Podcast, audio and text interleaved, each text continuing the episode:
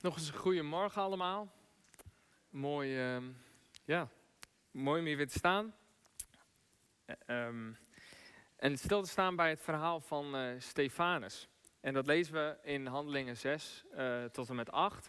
En ik zal doorheen de preek zal ik eigenlijk de tekst verweven. Dus als jullie het erbij willen houden, als jullie een Bijbel bij jullie hebben, dan kunnen jullie dat erbij houden bij die hoofdstukken. En ik zal een aantal stukjes uit de hoofdstukken lezen, want anders wordt het wel heel lang. En, en op die manier zal ik het een beetje de, de tekst inkaderen. Maar voordat ik dit doe, en eh, jullie kunnen gerust het alvast opzoeken. Uh, dan wil ik nog even terugblikken op, de, op twee weken geleden. En toen, waren de, toen, toen ik bezig was met de teksten voor te lezen, toen, toen raakte die mij nogal. En nou, het kan misschien zijn dat, u, dat voor degenen die erbij waren, dat het, dat het verdrietig leek. Of, maar ik wil graag nog even zeggen dat het niet was uit verdriet, maar dat het echt ehm, vanuit een besef was. Wat toen even zo binnenkwam dat, dat Jezus uh, leed, stierf. Um, voor de vreugde die, het, die hem voor ogen lag. Dat wij weer bij God zouden kunnen mogen komen. Ja, dat is echt, ik, uh, ik vind het heel bijzonder. Um, en dat we straks, en de tweede tekst was dat we straks oog in oog met hem mogen staan. Dat als we Jezus dan hebben nagevolgd in ons leven hier op aarde, dat we dan mogen zien waar we het eigenlijk helemaal voor gedaan hebben. En um, dat we Jezus dan in de oog en oog mogen zien. Dat het dan ook dat, dat misschien een beetje wazig voelt soms waarom we het doen. Dat het dan volledig duidelijk wordt waarom we het hebben gedaan. En um, nou, dat is nog even om terug te komen op de, op de vorige keer. Dus dat was, uh, dat was alleen maar ten positieve. Dus dat, uh, ja. Maar uh, voordat ik het eerste gedeelte uit Handelingen lees, wil ik eerst graag nog even wat, achtergrond geven bij, bij waarom ik het eigenlijk vandaag over Stefanus heb. En dominee Pim begon vorige maand met een prekenserie. Het is al bijna twee maanden geleden alweer. Over de eerste helft eigenlijk van handelingen. En we zagen met Pinksteren, dat was eigenlijk daarvoor nog, zagen we hoe de Heilige Geest op mensen kwam. Hoe God eigenlijk, terwijl Jezus al was opgevaren, weer terugkwam naar de mensen. En Petrus had een hele grote menigte in Jeruzalem aangesproken. En er waren wel 3000 mensen tot bekering gekomen. Die waren tot geloof gekomen. Die hadden besloten, wij willen Jezus volgen. Uit allemaal landen en regio's. En we hoorden ook al de verschillende verhalen, zowel voor het stuk wat we gaan lezen, als ook wat delen over na het stuk wat we gaan lezen, over dit verhaal. Over hoe deze groep zich eigenlijk ontwikkelde tot eigenlijk hoe we hier nu zitten. Het begin daarvan. En zoals uh, dominee Pim ook al aankondigde dat ik vandaag het over uh, Stefanus zou hebben. En ik dacht van, dat past eigenlijk precies goed ook bij twee weken geleden. Uh, een van zo'n geloofsgetuigen die ons omringen, die naar ons, ons aan willen moedigen om te zeggen, hou vol. Blijf die wedloop lopen, blijf die wedstrijd, die marathon van het leven lopen. En eerst hebben we een korte inleiding weer een inleiding, um, over wat we van Stefanus eigenlijk weten buiten de tekst uh, wat die we gaan lezen. En dat, we weten niet heel veel. Uh, we weten niet precies hoe hij tot geloof was gekomen. Het zou kunnen dat hij misschien een van die 3000 mensen was geweest. Maar wat we duidelijk leren uit handelingen is dat hij een diepgelovig man was. Uh, misschien hadden de woorden van Petrus, of wie dat hem ook maar had verteld, had hem zo geraakt dat hij er diep van overtuigd was dat dit de, dit de weg was om te gaan. En deze tijd, waarin eigenlijk het stuk wat we gaan lezen zich uh, afspeelt, dat is niet heel lang na Pinksteren. En we zien ook dat de kerk zich vooral beperkt tot, uh, tot Jeruzalem en misschien de omstreken daar. Het zou kunnen dat wat mensen van die 3000 weer terug zijn gegaan naar hun eigen land. Maar de vroege kerk concentreert zich eigenlijk op Jeruzalem. En de groei van de kerk zorgde er eigenlijk voor dat de apostelen hun handen vol kregen. Eh, want ze moesten en het evangelie verkondigen en er moest avondmaal gevierd worden. De, de, de, de diensten moesten, vol, uh, die moesten in goede banen geleid worden. En dat kreeg, eigenlijk werden ze daar een beetje te druk mee. Dus daarom werden, dan, daar komt eigenlijk Stefanus om de kijken.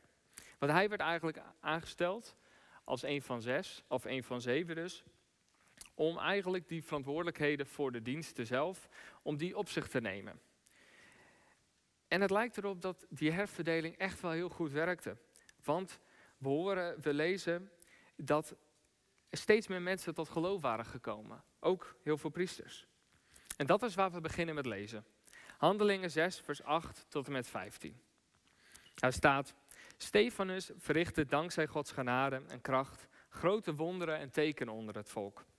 Enkele leden van de synagoge van de vrijgelatenen, waartoe ook Joden uit Cyrene en Alexandrië behoorden, evenals Joden uit Cilicië en Azië, maar zij kwamen echter in verzet en begonnen met hem te redetwisten.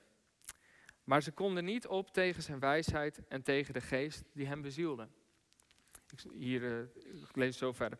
Stefanus deed meer dan alleen. We lezen eigenlijk dat Stefanus meer deed dan alleen verantwoordelijkheid dragen voor de kerk. Hij ging ook naar buiten. En door Gods kracht verricht hij grote wonderen. Maar er waren wat mensen die dat eigenlijk niet zinden. Er waren mensen die zich misschien wel bedreigd voelden door wat hij aan het doen was. Die wonderen en tekenen. En ze begonnen met hem in discussie te gaan. Maar Stefanus was zo wijs, zo bezield door de Heilige Geest, dat ze niet in debat tegen hem op konden. Dus verlaagden ze zich tot andere strategieën en dat lezen we vanaf vers 11. Daarop zetten ze zich ertoe om te verklaren dat ze hadden gehoord dat Stefanus Mozes en God had gelasterd. Ook het volk hitsten ze op, evenals de oudste en de schriftgeleerden. Ten slotte namen ze Stefanus gevangen en brachten hem voor het Sanhedrin. En de, de tegenstanders van Stefanus wisten het volk, de oudsten, de schriftleerden zo ver te krijgen dat deze mensen, deze tegenstanders van Stefanus, hen gevangen namen en naar het Sanhedrin brachten. En het Sanhedrin moet je voorstellen is een soort van hoge raad, een, recht, een hoge rechtshof van die tijd. Die eigenlijk moest oordelen over, ja hoe zit het nou eigenlijk, geloven? Wat is nou eigenlijk waar? En, wat, en misschien bepaalde kwesties die speelden binnen het Joodse volk. En daarom sleepte zij de Stefanus voor dit Hoge Rechtshof. En we lezen nog weer verder in vers 13 tot en met 15. Ze lieten valse getuigen komen. Die verklaarden: Deze man keert zich steeds weer tegen de tempel en de wet. Want we hebben hem horen zeggen dat Jezus van Nazareth de heilige plaats zal afbreken en de gebruiken die Mozes ons heeft overgeleverd zal veranderen. Alle leden van het Sanhedrin vestigden hun blik op Stefanus en zagen dat zijn gezicht leek op dat van een engel. Zie, al deze zogenaamde getuigen, we lezen specifiek valse getuigen, deden net alsof Stefanus zich tegen, gekeerd tegen de tempel en de wet. En het is niet, niet vreemd dat ze juist die twee dingen benoemen. Want dat waren nou juist de twee belangrijkste dingen voor de Joden en voor de twee groeperingen, de twee groepen die het eigenlijk in Jeruzalem en omstreken voor het zeggen hadden. De Sadduceeën en de Fariseeën. En de Sadduceeën, dat waren dan de priesters die tempeldienst deden. Dus nou ja, u begrijpt waarom zij er belang bij hadden. En aan de andere kant had je Fariseeën, die vooral God wilden dienen door het naleven van de wet. En eigenlijk was het dus heel slim, heel sluw eigenlijk, om Stefanus te betichten dat hij juist deze twee dingen aanviel. Want dat zouden de leden van het Sanhedrin misschien wel eens tegen hem op kunnen zetten. En het is vermoedelijk zo dat dat Sanhedrin, dat Hoge Rechtshof, bestond uit deze twee groeperingen. De rechters hadden er dus alle belang bij dat Stefanus niet het volk zou opzetten tegen deze twee dingen. En het waren dus serieuze aantijgingen. Dus na al deze getuigenissen te hebben gehoord, kijken, kijkt deze raad, en dat is waarschijnlijk waren dat niet een stuk of tien, maar eerder een stuk of zeventig. Die kijken naar Stefanus en ze zien dat hij straalt, alsof hij een engel was. Terwijl je zo'n onrecht wordt aangedaan, al het, alle leugens moet aanhoren die tegen je worden uitgesproken. Het bracht hem niet van zijn stuk. Hij liet zich niet intimideren door die valse getuigenissen. Hij zou zich moeten verantwoorden nu. Voor wat hij had gedaan, maar vooral voor wat hij had gezegd in die redetwisten. In die discussie met met die mensen. En als je het stuk leest, tussen, daartussen, dan blijkt hoe uitvoerig en overtuigend hij doet. Daar hebben we nu even niet de tijd voor, maar hij legt eigenlijk uit waarom de, de tempel en de wet, hoe we dat nu opnieuw mogen verstaan. Hij was er niet om de tempel af te breken of te zeggen de wet is afgedaan, maar juist dat God in ons wil komen wonen. Dat God, dat de Heilige Geest in ons wil komen wonen. En ook dat de wet vervuld is. Hij eindigt met een algehele confrontatie. Dat niet Stefanus het bij het verkeerde eind had. Dat hij zelf het niet bij het verkeerde eind had. Maar de priesters en schriftgeleerden. Want, de, en dat lezen we dan ook in het stuk wat ertussen staat. Hij zegt eigenlijk tegen hen, ja, jullie voorouders, die hadden ook niet echt iets op met de profeten die de waarheid kwamen zeggen. Die vertelden over Jezus' komst.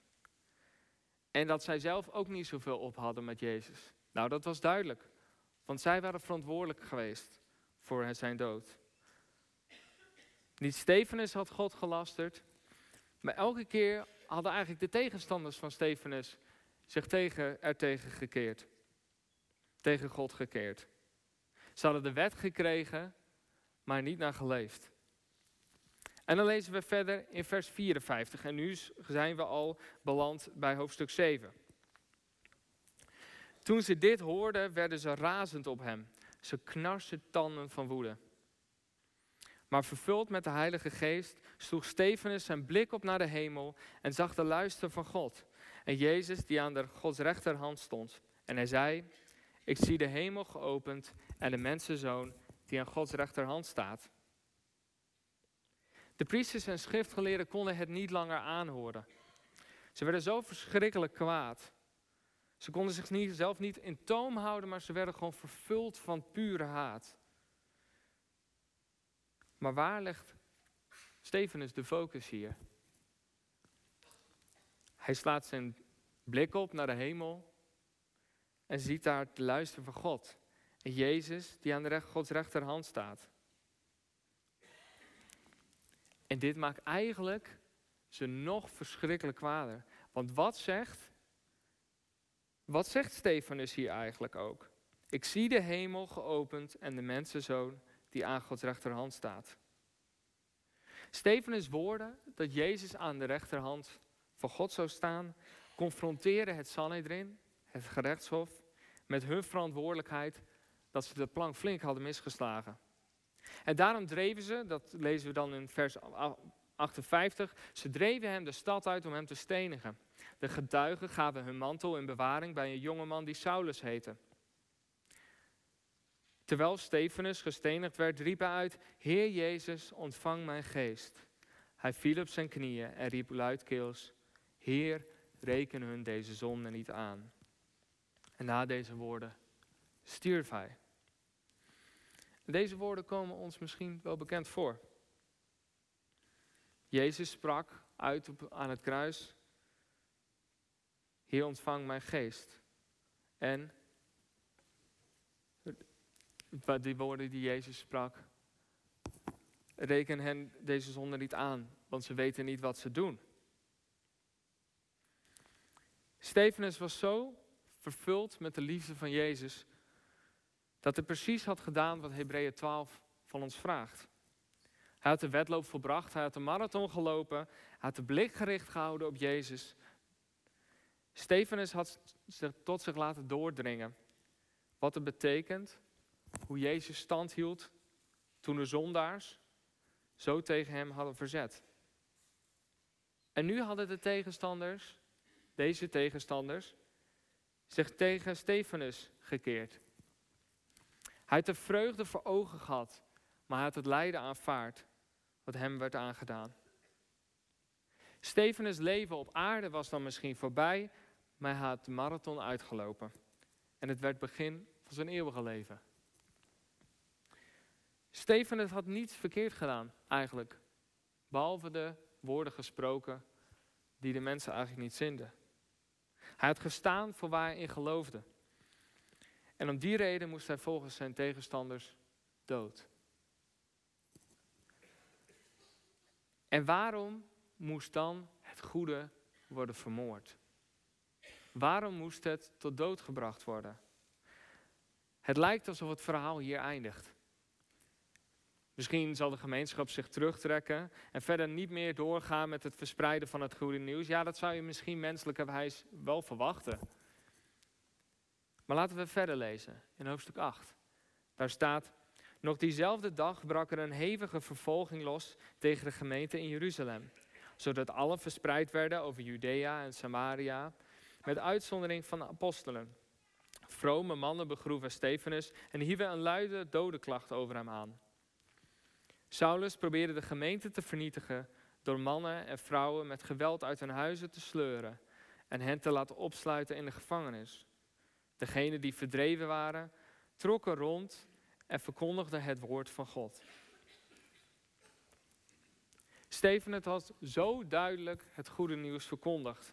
Hij had zo duidelijk uitgelegd, eerst voor zijn eerste tegenstanders die met hem in discussie waren gegaan, toen voor het Sanhedrin, voor het gerechtshof. En daarom dachten mensen zoals Saulus, waarin we later nog wel een verhaal zullen horen, dat ze de jonge kerk wel moesten vervolgen. Er was geen weg meer terug. Dit zou en moest stoppen. Want het zou zomaar kunnen dat meer mensen tot geloof zouden komen. Saulus en zijn metgezellen jaagden op deze nieuwe christenen als wilde dieren. Ze sleurden de mannen en vrouwen uit hun huis. Ja, beeld je dat maar eens in. Soldaten, beveiligers komen jouw huis binnen, breken de deur open, sleuren je het huis uit en je moet alles achterlaten. En je weet niet waar je terecht komt. Misschien eindig je wel precies hetzelfde als Stefanus. En toch gingen ze door met het verkondigen. Ze bleven zich niet gedijst houden. Of dat ze Jezus zouden afwijzen, maar ze trokken rond en bleven het goede nieuws over Jezus verkondigen. En we lezen in vers 4 tot en met 8 hoe Filippus naar de stad Samaria ging en Jezus verkondigde en vele wonderen en tekenen verrichtte. Hetzelfde wat ook Stefanus had gedaan. En dat er grote vreugde over ontstond. En terwijl Stefanus dat dus alleen in Jeruzalem en omstreken vermoedelijk had gedaan, had Filippus nu de eerste stap gezet richting de mensen die niet Joods waren. Richting de, richting mensen in Samaria. We zien hier dus eigenlijk dat God het er niet bij laat zitten. Het blijft niet bij het onrecht wat Stefanus wordt aangedaan en de vervolging van de gemeente die daarop volgt. God keert het ten goede. En wat bedoeld was om het goede en het goede nieuws kapot te maken, uit te roeien, zorgde er juist voor dat het goede nieuws zich verder verspreidde. Maar wat heeft het verhaal nou eigenlijk ons te zeggen? 2000 jaar later. Misschien niet onder dezelfde vervolging. Nou, ik weet het wel bijna zeker. Niet hier onder dezelfde vervolging waar die vroege kerk mee te maken had. Wat heeft het nou eigenlijk ons te vertellen? Wat kunnen we er nou eigenlijk van leren? Ik denk dat ons kan leren wat het betekent om toegewijd te zijn. Om je prioriteiten te stellen. Om Jezus in alles te volgen, wat de omstandigheden ook zijn. Uiteindelijk stelt het een hele confronterende vraag, dit verhaal. Als wij Stefanus waren hè, op dat moment, waren wij dan bereid om voor ons geloof te staan, het te verantwoorden, zelfs als het ons ons leven zou kosten?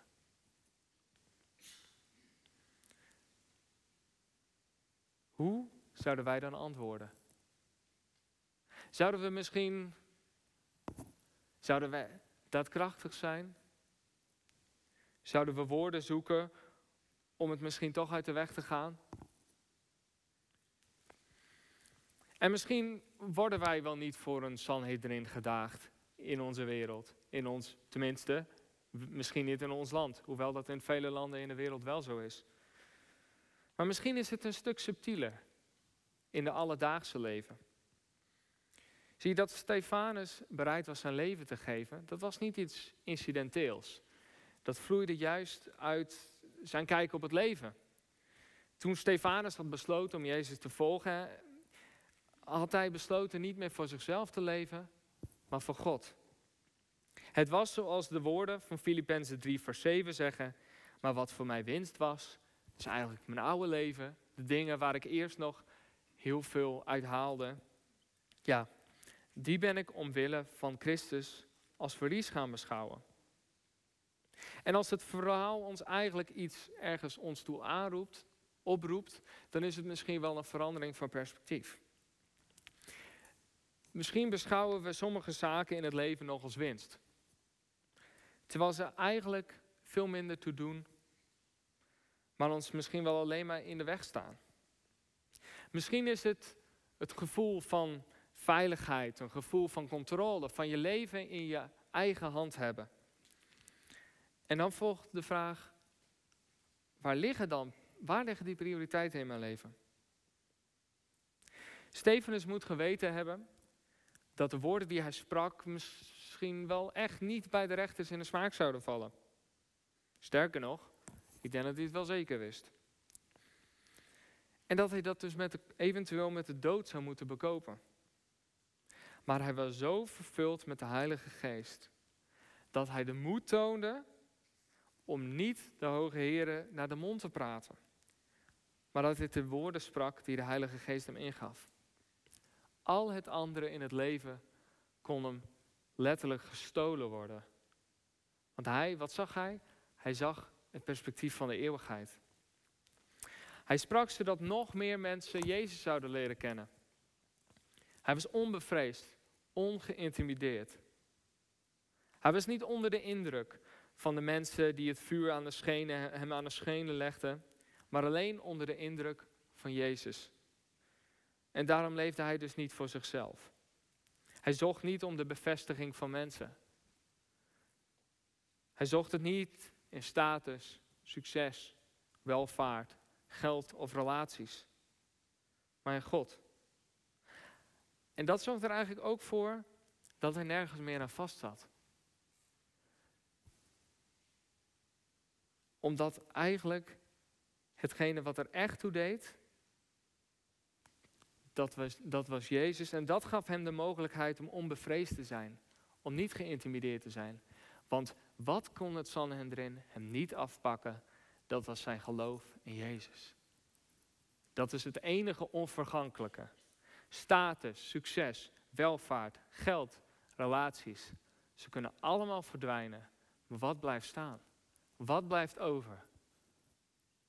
Als er brand wordt aangestoken in je huis, in de huis van je leven, wat blijft dan nog over?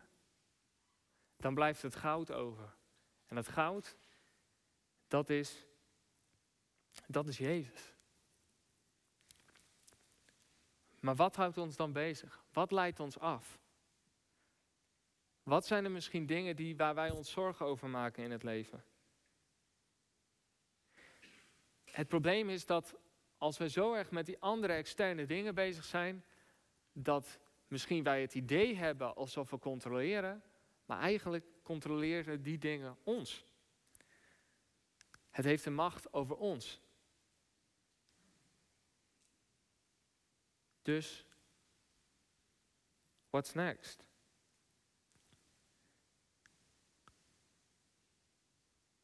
Proberen wij de controle te houden over ons leven of stellen we ons leven, geven we de controle aan God over? En durven we dat aan? Zie, de keuze om ons leven in dienst te stellen van God, ja, dat kan ons heel wat kosten. En dan lijkt het misschien inderdaad wel alsof we het leven moeten laten. Maar dat is dan ook maar een heel beperkt perspectief. Zie, bij Stefanus was het misschien niet meteen duidelijk waarom hij moest ondergaan wat er met hem gebeurde. Maar toen hij stierf, toen zag hij oog in oog met Jezus. Zoals 1 Corinthië 13 zegt. Toen begreep hij waarom. En misschien is het ons nog steeds niet helemaal duidelijk. Maar wat zijn dood tot gevolg had, was dat het een vervolging ontketent, maar dat daarmee ook het goede nieuws verder verspreid werd. Er was geen weg meer terug. Het was het begin van de kerk wereldwijd. En zo weten wij soms niet wat voor goeds het teweeg moet brengen als slechte dingen met ons gebeuren. Als ons onrecht wordt aangedaan. Al is dat misschien niet zo heftig als bij Stefanus de dood. Ja, dan mogen we op de woorden van Romeinen 8, vers 28 vertrouwen. En we weten dat voor wie God liefhebben, heel belangrijk, voor wie volgens zijn voornemens geroepen zijn, dus die lopen in de weg die God voor hen heeft, dat alles bijdraagt aan het goede. En dat betekent dus niet per se ons goede. Dat betekent misschien niet per se ons comfort, maar dat betekent het goede. Het zorgde niet, Stefanus dood kwam hem uiteindelijk in fysieke zin op aarde niet ten goede. Want hij moest het met zijn leven bekopen. Maar de gevolgen daarvan, God keert het ten goede. En dan is het ons, en als het ons dan niet duidelijk is, ja, dan kom ik toch weer terug bij 1 Korinthe 13. Dat we nu nog maar een afspiegeling zien. Dat we nu nog maar een raadselachtig beeld zien. Hoe zijn deze punten met elkaar te verbinden? Waarom gebeurt dit op dit moment in mijn leven? Waarom kost het mij iets? Maar dan, dan zullen wij één dag, net zoals Stefanus, oog in oog met God staan. Met Jezus staan. En daar zullen we volledig gekend zijn. Daar zullen wij kennen. De volledige kennis hebben. Zoals wij ook zelf gekend zijn. Of wanneer God van ons vraagt om deze dingen die ons een vals gevoel van vastigheid, van controle of veiligheid af te leggen. Eigenlijk deze afgoden, die we echt een veel te grote plaats in ons leven toekennen. Als God ons vraagt om deze dingen van ons af te leggen, ons af te leggen, ja, dan mogen we vertrouwen in de woorden van Matthäus 6, vers 33 tot 34. Daar staat, zoek liever eerst het koninkrijk van God en zijn gerechtigheid. Dan zullen al die andere dingen, die dingen je erbij gegeven worden. Als we God uiteindelijk, als we ons toewijden aan God en Hem op de eerste plaats zetten, dan mogen we erop vertrouwen dat Hij het beste met ons voor heeft. En dat we ons dus ook in het volgende vers, maak je dus geen zorgen voor de dag van morgen, want de dag van morgen zorgt wel voor zichzelf. Elke dag heeft genoeg aan zijn eigen kwaad. Amen.